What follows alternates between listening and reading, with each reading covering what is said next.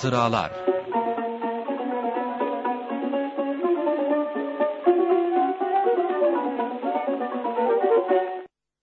Merhaba değerli dinleyiciler.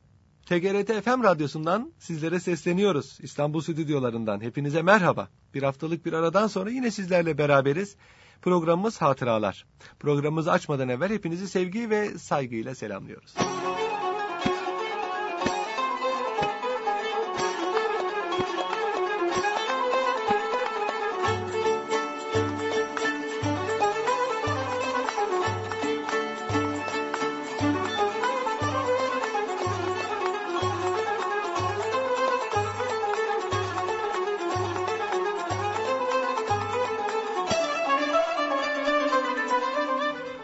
Değerli dinleyiciler 1876 yılında bir İngiliz yüzbaşısı Frederick Barnaby Osmanlı ülkesine geliyor ve İstanbul'dan Doğu Anadolu'ya kadar at sırtında seyahat yapıyor. Bu, bu seyahatinin sebebini kendisi yıllık izni değerlendirmek olarak lanse etse de aslında Frederick Barnaby'nin İngiliz istihbaratına mensup bir subay olduğu kolayca anlaşılıyor ve her sene böyle kritik bölgelerde seyahat yaparak raporlar hazırlıyor. 1877-78 Rus Harbi olarak bilinen meşhur 93 Harbi öncesinde bu ülkeyi Osmanlı ülkesini gezerek Osmanlıların Ruslarla savaşında alacakları vaziyeti önceden rapor halinde İngilizlere bildirmiş. Frederick Barnaby'nin hususiyeti çok zeki, bilgili bir kimse olması. Birkaç dili gayet güzel konuşuyor. İkinci bir hususiyeti de Türk dostu Osmanlıları seviyor.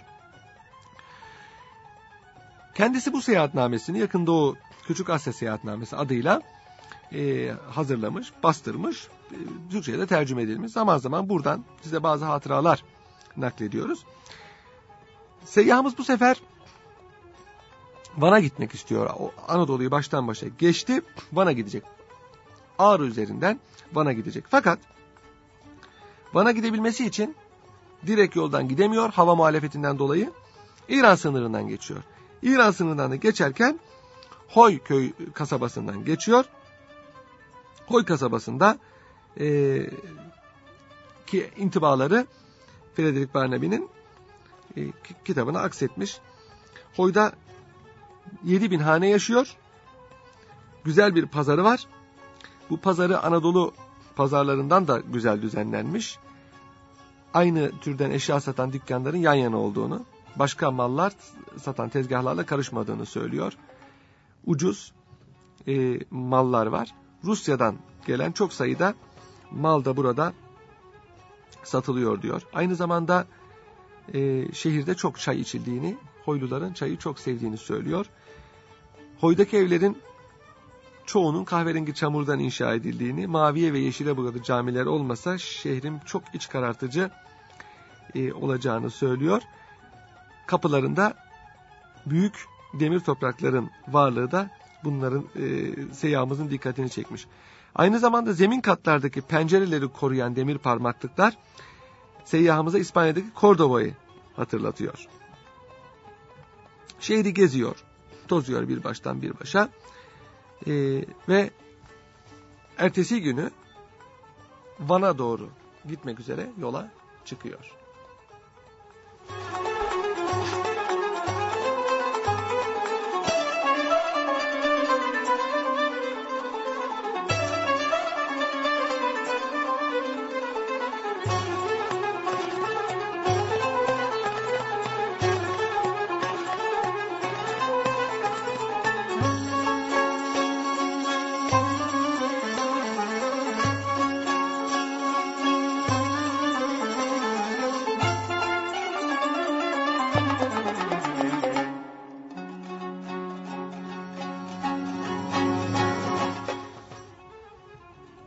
Hoy'dan yola çıkıyor seyyahımız.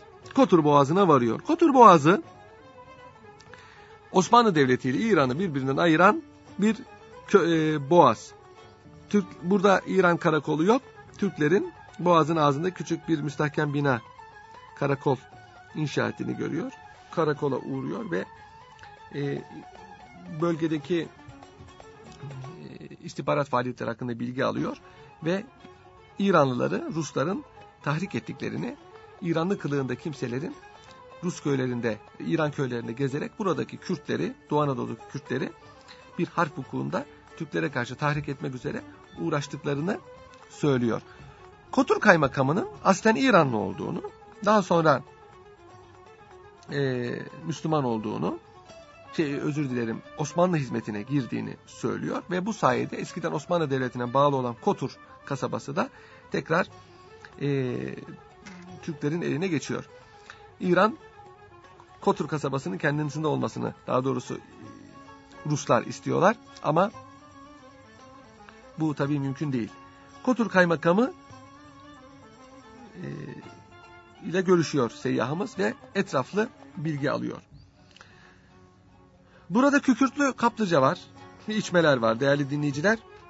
Bu e, kasabada hatta bir de karantina istasyonu var. Kolera vebanın ülkeye girmesine mani olmak için. Burada bir İtalyan hekim çalışıyor Kotur'da. 80 yaşında bir İtalyan hekim. 1847'den beri Kotur'da tedavi ettiği kişi başına 30 kuruş alıyor ve böyle olunca da e, vaziyeti gayet iyi. Ayrıca karantina ile de uğraştığı için sınırdan her geçen kimse karantina belgesi karşılığında bu doktora 10 kuruş para ödüyor ki bu da e, gayet iyi bir para o zamanki şartlarda. Bu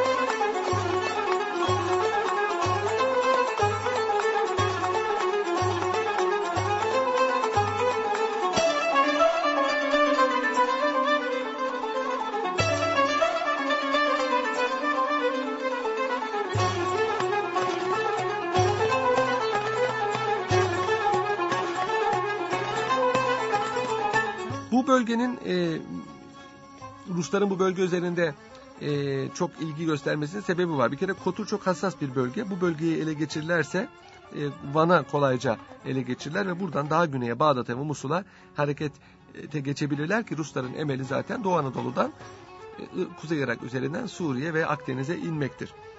Burada cephanelikler kurmaları mümkün. Onun için bu bölgeyi e, gözlerinin önünde tutuyorlar. İkincisi de bu bölgede çok kıymetli madenler var. Bu madenler e, hatır sayılır kömür ve demir madenleri var. Onun için e, Rusların burada gözü var. Ancak bölgedeki Kürtlerden büyük çoğunluğu padişaha sadık. E, hatta Bitlis civarındaki bir Kürt aşiretinin reisi padişah mektup yazıyor. Türkiye ile Rusya arasında bir savaş koparsa ben 20 bin adamımı sizin emrinize vermeye amadeyim diyor. Bunun üzerine e, teklifi kabul ediliyor ve e, ipekli bir sarık ve bir kılıç hediye edilerek mükafatlandırılıyor. Ancak Muş ve Eleşkir yakınlarındaki aşiretlerin e, aynı sadakatte olmadığını Kotur Kaymakamı seyyahımıza söylüyor. Demek ki her bölgenin hadiselere bakış açısı birbirinden farklı. Seyyahımız Van'a doğru yola çıkıyor. Van'la Kotur arası 95 kilometre. Bir, ilk bir saat boyunca bir boğazdan geçiyorlar ki Kotur Boğazı'nın devamı birkaç Kürt köyünden sonra peş peşe yamaçları tırmanıyorlar. Bir yandan kar, bir yandan boğaz, bir hayli zahmetli bir seyahat var. Başlarına çeşitli hadiseler geliyor. Ancak iki saatlik bir yolu epey zaman gitmek suretiyle alıyorlar ve çeşitli köylerde misafir ola ola Van'a varıyorlar çeşitli molalar veriyorlar ve Van şehrine varıyorlar. Van'ın iklimini, şeklini tasvir ediyor seyyahımız. Van valisine daha önce Erzurum'dan bir mektup yollamıştım ama bu mektup eline geçmemiş. Dolayısıyla vali gelişinden haberdar değil. Gittiği yerde önce valiye uğruyor. E, çok dikkatli bir kimse. Ondan sonra ne yapacaksa yapıyor. Esas vazifelerinden bir tanesi de seyyahımızın bu bölgede Ermenilerle Türkler arasındaki hadiseleri yerinde incelemek. Türkler hakikaten Ermenilere ve diğer gayrimüslimlere baskı yapıyor mu, yapmıyor mu? Bunları ortaya çıkarmak ki yaptığı seyahatlerin hepsinde bunların çok abartılı birer iddia olduğu anlaşılıyor. Paşa kendisini mektup yolladığı mektup ulaşmamış olmasına rağmen kendisini çok nezaketle karşılıyor. Van'da İstanbul'daki gibi oteller olmadığı için yeni inşa edilmiş bir kışla da seyyahımıza bir oda veriyor ki bu oda gayet güzel bir oda. Seyyah bu odadan memnun kalıyor.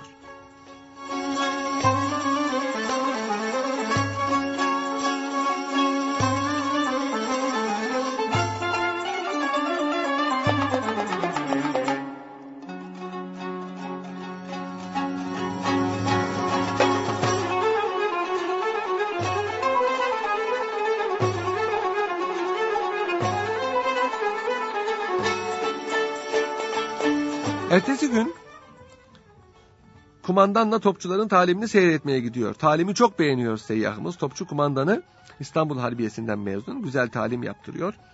Askeri cerrahın bir e, Macar asıllı olduğunu öğreniyor. Civardaki bataklıkları görüyor ve bunların kurutulması gerektiğini söylüyor. Van Gölü'nü ziyaret ediyor ve Van Gölü'nün natron ihtiva ettiğini görüyor. Halk yaz aylarında gölün suyunu bir leğen içine dolduruyorlar. Güneşin ısısı suyu buharlaştırınca sodyum, sodyum karbonat e, leğenlerin dibine çöküyor. So, daha sonra bu maddeyi Erzurum'a, İstanbul'a gönderiyorlar ki halk bu maddeyi temizlik işlerinde sabun yerine kullanıyorlar. Bu bakımdan Van Gölü'nün e, suyunun da böyle bir ehemmiyeti var. Şehirde yarım tabur piyadeyle bir kuru top bataryası var. Bir buçuk tabur Kürtlerin bir Türk karakolunu yaktıkları Bitlis'e gittiği için şehirde bulunmamakta. Kaleyi geziyor. Seyyahımız kalede 250 yıllık topları görüyor. Taş gülleleri görüyor. Ve bir neft kuyusu e, dikkatini çekiyor. Yeri gelmişken e, bu topların ve top güllelerinin e, daha önce Nadir Şah'ın Van'a saldırısından hemen önce getirildiğini söylüyor. Nadir Şah şehri 7 sene kuşatmıştı ve alamamıştı. Her taraf delik deşik olmuştu. Kale seyyahımızın bir hayli dikkatini çekiyor. Kalede bir neft yağı kuyusu var. Bir askere bu kuyunun ihtiva ettiği maddelerden bir miktar çıkarttırıyor kumandan. Kuyu çok derin. Van halkının eski çağlardan beri neft yağını kullandıkları biliniyor. Bunun doğal bir kuyu mu yoksa uzun zaman önce garnizon tarafından kullanılması için bu sıvıyla doldurulmuş bir sarnıç mı olduğuna kumanda, e, Macar doktor emin değil. Bu kaledeki toplarla atış yapılmadığını söylüyor. Bir tanesi dışında hiçbirinin işe yaramadığını söylüyor. O küçük topun da bayramları ilan etmek üzere kullanıldığını söylüyor. Zaten bu tepe artık bir kale olarak kullanılamayacak kadar şehre yakın. Burada bir hastane inşa mümkün, kale levazım deposu olarak kullanılabilir ama artık modern silahlar düşünülürse bir savunma mevki olarak kalenin bir şey ifade e, etmediği ortada.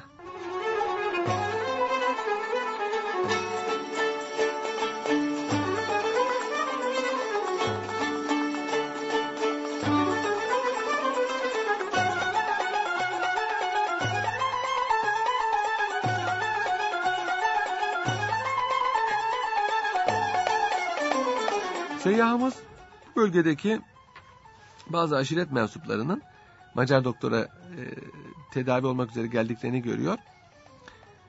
E, Macar doktor askeri doktor malum muayene ediyor. Fakat e, bu aşiret mensuplarının fıtık iddiasında bulunduklarını söylüyor. E, fıtık hangi yanında? Hasta sağ yanında diyor. O zaman piyadeye ayrıl diyor. Çünkü e, askerlik yapmamak için bir adamın iki yanında fıtık olması lazım diye bu adamı savuyor. Sonradan köylülerin askerlikten kaçmak için bu dağ, dağ köylülerinin kendilerini kasten fıtık ettiklerini öğreniyor. Bunu nasıl yapıyorlar? İşaret ve baş parmaklarını midenin alt bölümüne ta ki bir şiş oluşturana kadar bastırmak suretiyle yapıyorlar. Tabi çok acı verdiği için bu tatbikat bunu bir tarafına yapan adam muamele öbür yanına da tekrarlamayı istemiyor. Hal böyle olunca da e, askerden düşmüyor. Macar doktor bu dağ köylülerinin fıtıkları tıp dünyasında bilinmeyen bir metotla tedavi etmeyi bildiklerini söylüyor.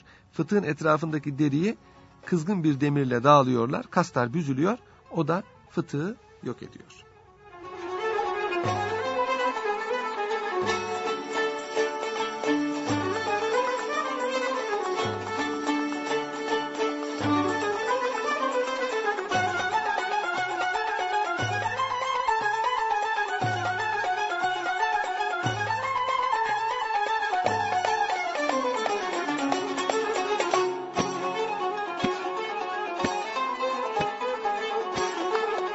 Yakın zamanda Van'da bir karışıklık olmuş ve Ermeni çarşısı yanmış.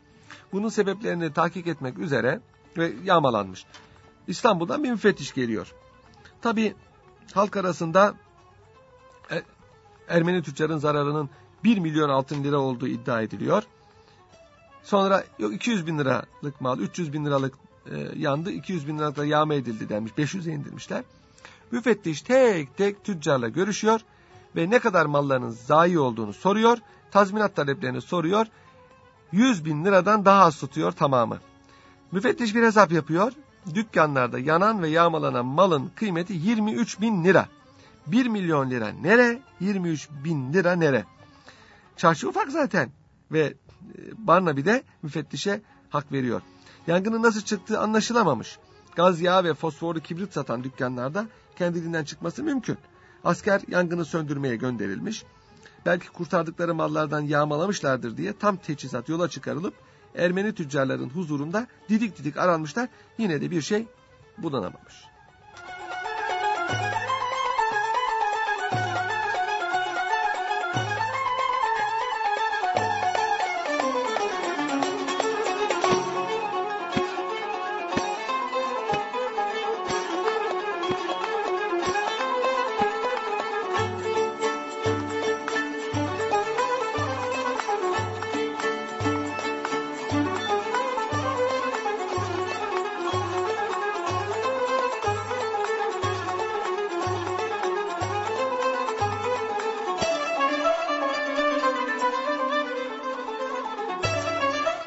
Seyyahımız Van'ın nüfusunu 20 bin olarak söylediklerini e, bildiriyor. Ancak bunu abartmalı buluyor. Vali Paşa'nın maaşının yıllık altın parayla 2200 lira olduğunu, yani 2200 Osmanlı altın olduğunu söylüyor. Öteki mülki ve askeri vazifeler onun kadar çok almadıklarını söylüyor. Garnizon komutanının aylığı kağıt parayla 20 lira, Macar tabibinki altın olarak 17 lira. Seyyahımız Van'daki Ermeni kilisesini ziyaret ediyor. Eski bir mabedin üzerine kurulduğunu söylüyor. Duvarların altında çivi yazıları görüyor. 1800 yıllık mı, 2000 mi, 3000 mi? Papazların kendi aralarında bir türlü anlaşamadıklarını bildiriyor. Putperest ayinleriyle cemaatlerinin kadın kısmının iyiliğine çalışmaları bütün e, zamanlarını doldurduğu için tarihle ilgilenemediklerini söylüyor ve yüksek e, kilise görevlilerinin yolsuzluklarından şikayet ediyorlar.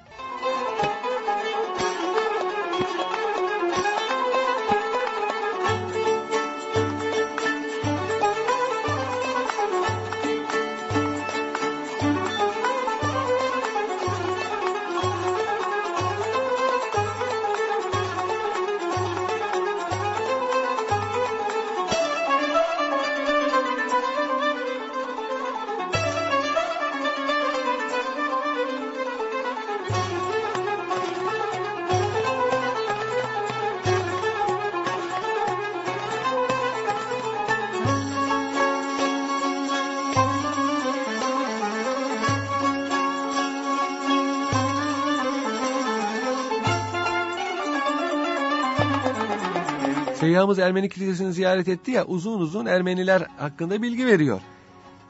Papaz ol olmak isteyen bir Ermeninin bu rütbeyi almak için altı farklı mertebede hizmet etmesi lazım. Şeytan kovucu, kapıcı, okuyucu, astiokoz, mum yakıcı ve diakoz. Ama psikoposla arasında bir menfaat münasebeti varsa bu mertebeleri bir günde aşabilir diyor.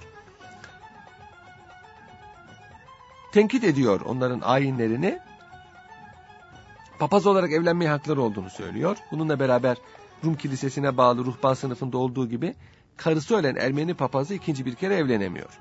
O zaman keşiş olup manastırların birinde hiçbir harcamada bulunmadan yaşaması mümkün diyor. Keşişlerin üst kademesinde piskoposlar ve biri İstanbul'da öbürü Kudüs'te olmak üzere iki patrik olduğunu söylüyor Barnaby. Ermeniler İstanbul'daki patriğe bir tür sivil lider e, gözüyle bakıyorlar. Nitekim kilise hiyerarşisinde, Ermeni kilisesinin hiyerarşisinde birinci sırada olan Katolikos ile Rusya'daki Ararat Dağı'na yakın Eçmiyaz'ındaki e, Patrik Ermeni kilisesinin en önemli kişisi. Ermeni kilisesi Eçmiyaz'ındaki Katolikos'a bağlı. İki tane piskoposu var. Bir tanesi bunların Kudüs'te yaşıyor. Diğeri Ahtamar'da. İstanbul Patriği ruhani lider değil, idari bir liderdir. Osmanlı hükümeti bunu tanır. Piskoposlarla papazların sakallı olması mecburi. Piskoposlar katolikos yani patrik tarafından tayin edilir. Ermenilerde patriğe katolikos derler. Ermeniler heykel yerine kiliselerinde resim, ikona koyarlar. Günah çıkartmaları var katolikler gibi. Ölülere dua okuturlar. Azizlerinden şifa, şefaat dilenirler. Çocukların vaftizi için yağ kullanırlar. Ermeniler bu yağın altında ateş olmadan kaynadığına bunun Katolikos'un yani Ermeni patriğinin e, gücü sayesinde olduğuna inanıyorlar ve bu yağa her kim ve her ne dokunursa onun takdis edilmiş, mukaddes olmuş olduğunu e, söylüyorlar. Katolikos bu yağı satıyor ve satışından çok büyük para kazanıyor. Kilisenin başka gelirleri var. Vaftiz ve cenaze ücretlerinden, ölüler için okunan dualardan ve ruhban sınıfının halktan topladığı vergilerden, bağışlardan ve dindarların vasiyetnameleriyle bıraktıkları paralardan geliyor kilisenin geliri. Van'daki Ermenilerin inancına ait bir gelenek var diyor. Barnabi miladi e, milada yakın yıllarda Ermeni kralı Abgar bazı elçileri Kudüs'te bulundukları sırada Hz. İsa'yı görüyorlar. Sonra da hükümdarlarına bu peygamberin gerçekleştirdiği mucizeleri bildiriyorlar. Bu kral Abgar cüzzamlıymış. Kudüs'te birçok hayat kurtaran bu şahsın kendisi için bir şey yapıp yapamayacağını e, merak ediyor Hz. İsa'ya bir mektup yazıyor. Bu ülkenin prensi Arşam oğlu Abgar'dan insanların kurtarıcısı İsa'ya diye başlıyor mektup. Seni ve ilaç ya da bitki kullanmadan gerçekleştirdiğin tedavileri duydum. Körlerin gözlerini açtığını, felçlileri yürüttüğünü söylüyorlar. Cüzdamlılar sağlıklarına kavuşuyorlar. Vücutlarını sahiplenen kötü ruhlar senin sayende kovuluyorlar. Üzün uzun süren müzmin hastalıkları çekenleri iyileştiriyor musun? Ölüleri diriltiyor musun? Bu nedenle sana bu mektubu yazıyorum. Tenezzül ederek bana gelmeni ve hastalığımı yok etmeni rica ediyorum, sana yalvarıyorum. Ayrıca Yahudilerin sana kötü davrandıklarını, seni yok etmek için tuzaklar kurduklarını da duydum. Burada hoş bir tabiatın ortasında kurulmuş olan ve ikimize de yetecek bir şehrim var diyor. Hz. İsa bu elçilere diyor ki ben gittikten sonra e, sana müritlerinden birini göndereceğim. O hastalığını tedavi edecek. Sana da senden olanlara da hayat verecek diye bir mektup yazıp gönderiyor elçilerle. İşte Van'daki Ermeniler Hz. İsa'nın güya bir mendili elinin izini çıkartıp bu Abgar'ın elçisine verdiğini ve bunu efendisini iyi edeceğini söylediğini anlatıyorlar. Bu da Ermenilerin e, resimlere ibadet etmeyi haklı göstermek için anlattıkları bir hikaye olarak değerlendiriliyor. Rivayete göre mendil hiç bir zaman cüzdanlı krala ulaşamamış. Bunu getiren elçiler yolda haydutların saldırısına uğramış. Mendil de kaybolmuş. Ama başka bir rivayete göre de Hz. İsa arkasından e, havarilerinden Tadeus'u krala göndermiş ve cüzdanlı kral iyileşmiş. Bu hadise e, Hristiyan mitolojisinde çok anlatılır değerli dinleyiciler. Santa Sindone hadisesidir bu. Hz. İsa'nın e, bu gönderdiği mendil Abgar'a ulaşıyor. Uzun zaman bunu saklıyorlar. Daha sonra e, Bodve'nin eline geçiyor e, imparator. Bodve'nin Bizans imparatoru ve daha sonra e, bunu papaya satmak zorunda kalıyor. Bu mendil Santa Sindone veya kefen büyük bir kumaş çünkü. Üzerinde Hz. İsa'nın eli değil de bir insanın e, sureti var ve bu suret güya Hz. İsa'ya benziyor. Bugün İtalya'da Torino katedralinde teşhir edilmektedir. Papalık bu kefene karbon testi yapılmasını kabul etmiştir. Tarihini tespit etmek için karbon testi yapılmış ve kefenin 13. asır Haçlı seferleri sırasında imal edildiği ortaya çıkmıştır. Bu da bu Santa Sindone mukaddes kefen hadisesinin en azından e, bu kefenin o kefen olmadığını, o mendil olmadığını bize göstermektir, göstermektedir. Mandilyon da deniyor bu e, kumaşa. Ondan dolayı seyyahımız onu mendil olarak tercüme etmiş. Mendil veya kefen her neyse böyle bir hikaye var. Bu kefen de bugün İtalya'da teşhir ediliyor ama bu kefenin o kefen olduğu hayli şüpheli.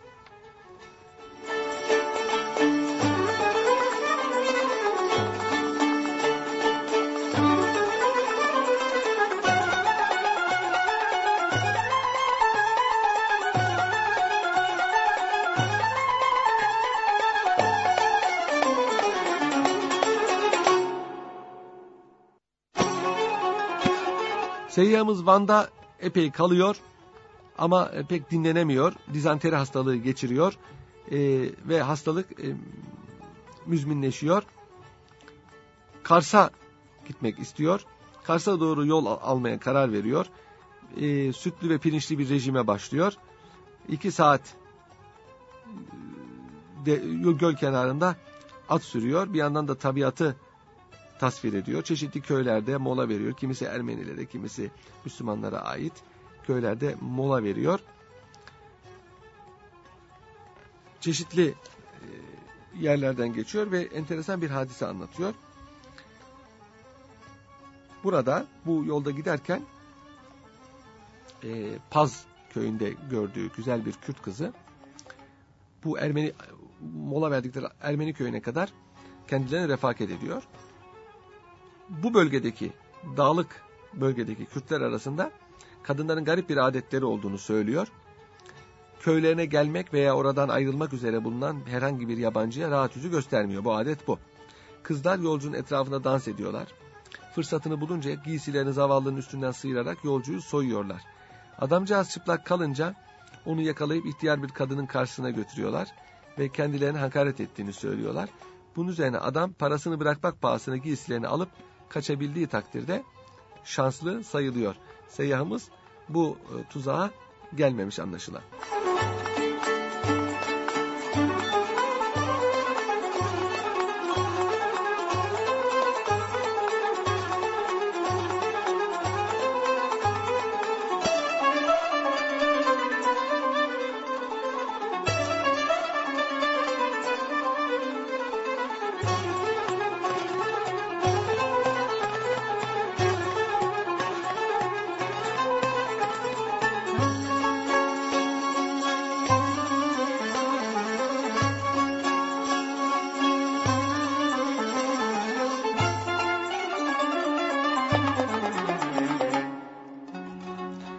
Buradan sonra seyyahımız bir Ermeni köyünde e, kalıyor. Ermeni köyünde kaldığı evdeki bitten perişan oluyor. Sabaha kadar gözlerini kırpmıyor.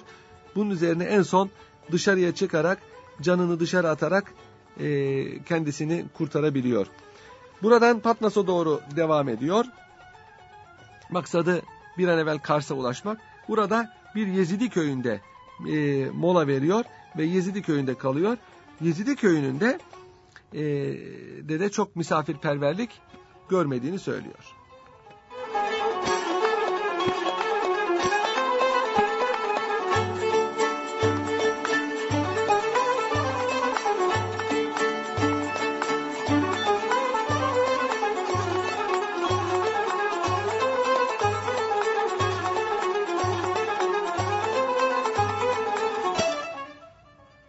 Dağlardaki 5000 silahlı Kürt yüzünden Ermenilerin korku içinde olduğunu söylüyor. Vali Paşa'nın, Van valisinin düzeni sağlamaya gücü yetmediğinden Ermeniler şikayet ediyorlar. Van Gölü'nde balıkçılığın mühim bir e, sektör olduğunu söylüyor.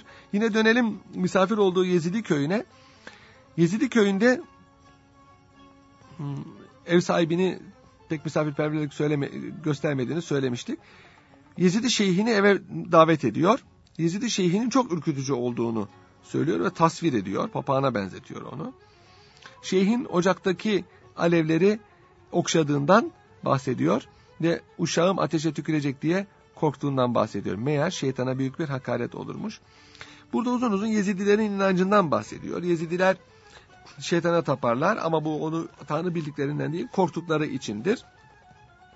Allah'a tapmanın gereği yoktur. Allah zaten insanları sever, affeder. Maksat şeytana tapmaktır. Şeytana tapılırsa şeytanın şerrinden emin olunur. Adı bile ağza alınmaz diyor. Bundan sonra da başka melekler vardır. O meleklerin de kendilerine göre Cebrail, Mikail, İsrafil, Azrail, Dedrail ve Şemkil diye isimleri olduğunu söylüyor. Hz. İsa'nın da insan biçimine girmiş büyük bir melek olduğunu söylüyor. Haç üzerinde ölmediğini göğe çekildiğini söylüyorlar. Ve anlattıklarına göre Yezidilerin inançları Müslümanlıkla, Hristiyanlıkla, Şiilikle ve mahalli, lokal inançlarla karışmış bir inançtan başka bir şey değil.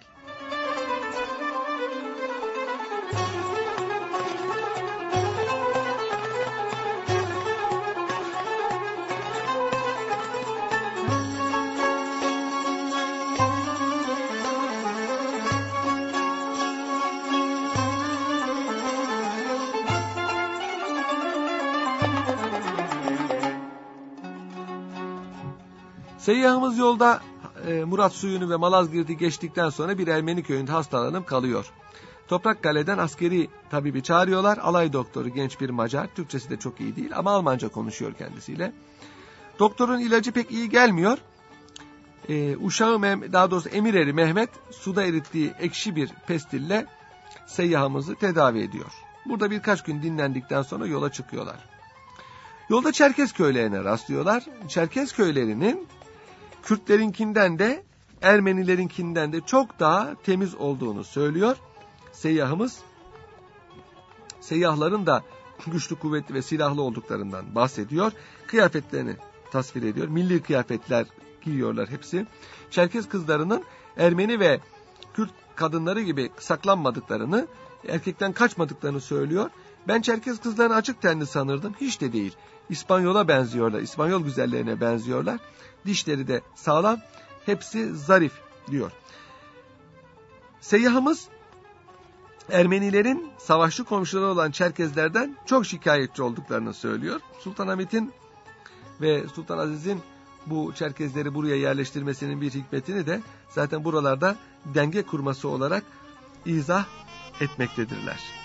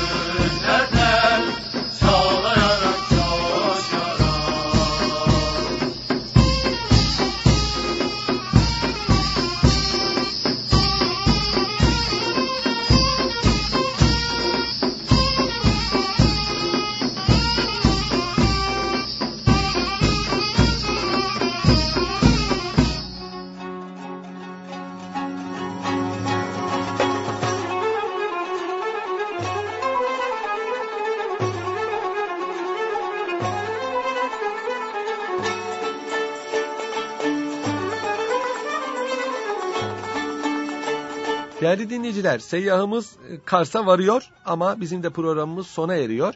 E, haftaya bir başka programda yine sizlerle buluşmayı um umut ediyoruz ve inşallah Barnaby'nin Kars hatıralarını ve Trabzon hatıralarını, Batum hatıralarını da e, bu programda sizlerle e, yineden paylaşma imkanı buluruz. Hoşçakalın.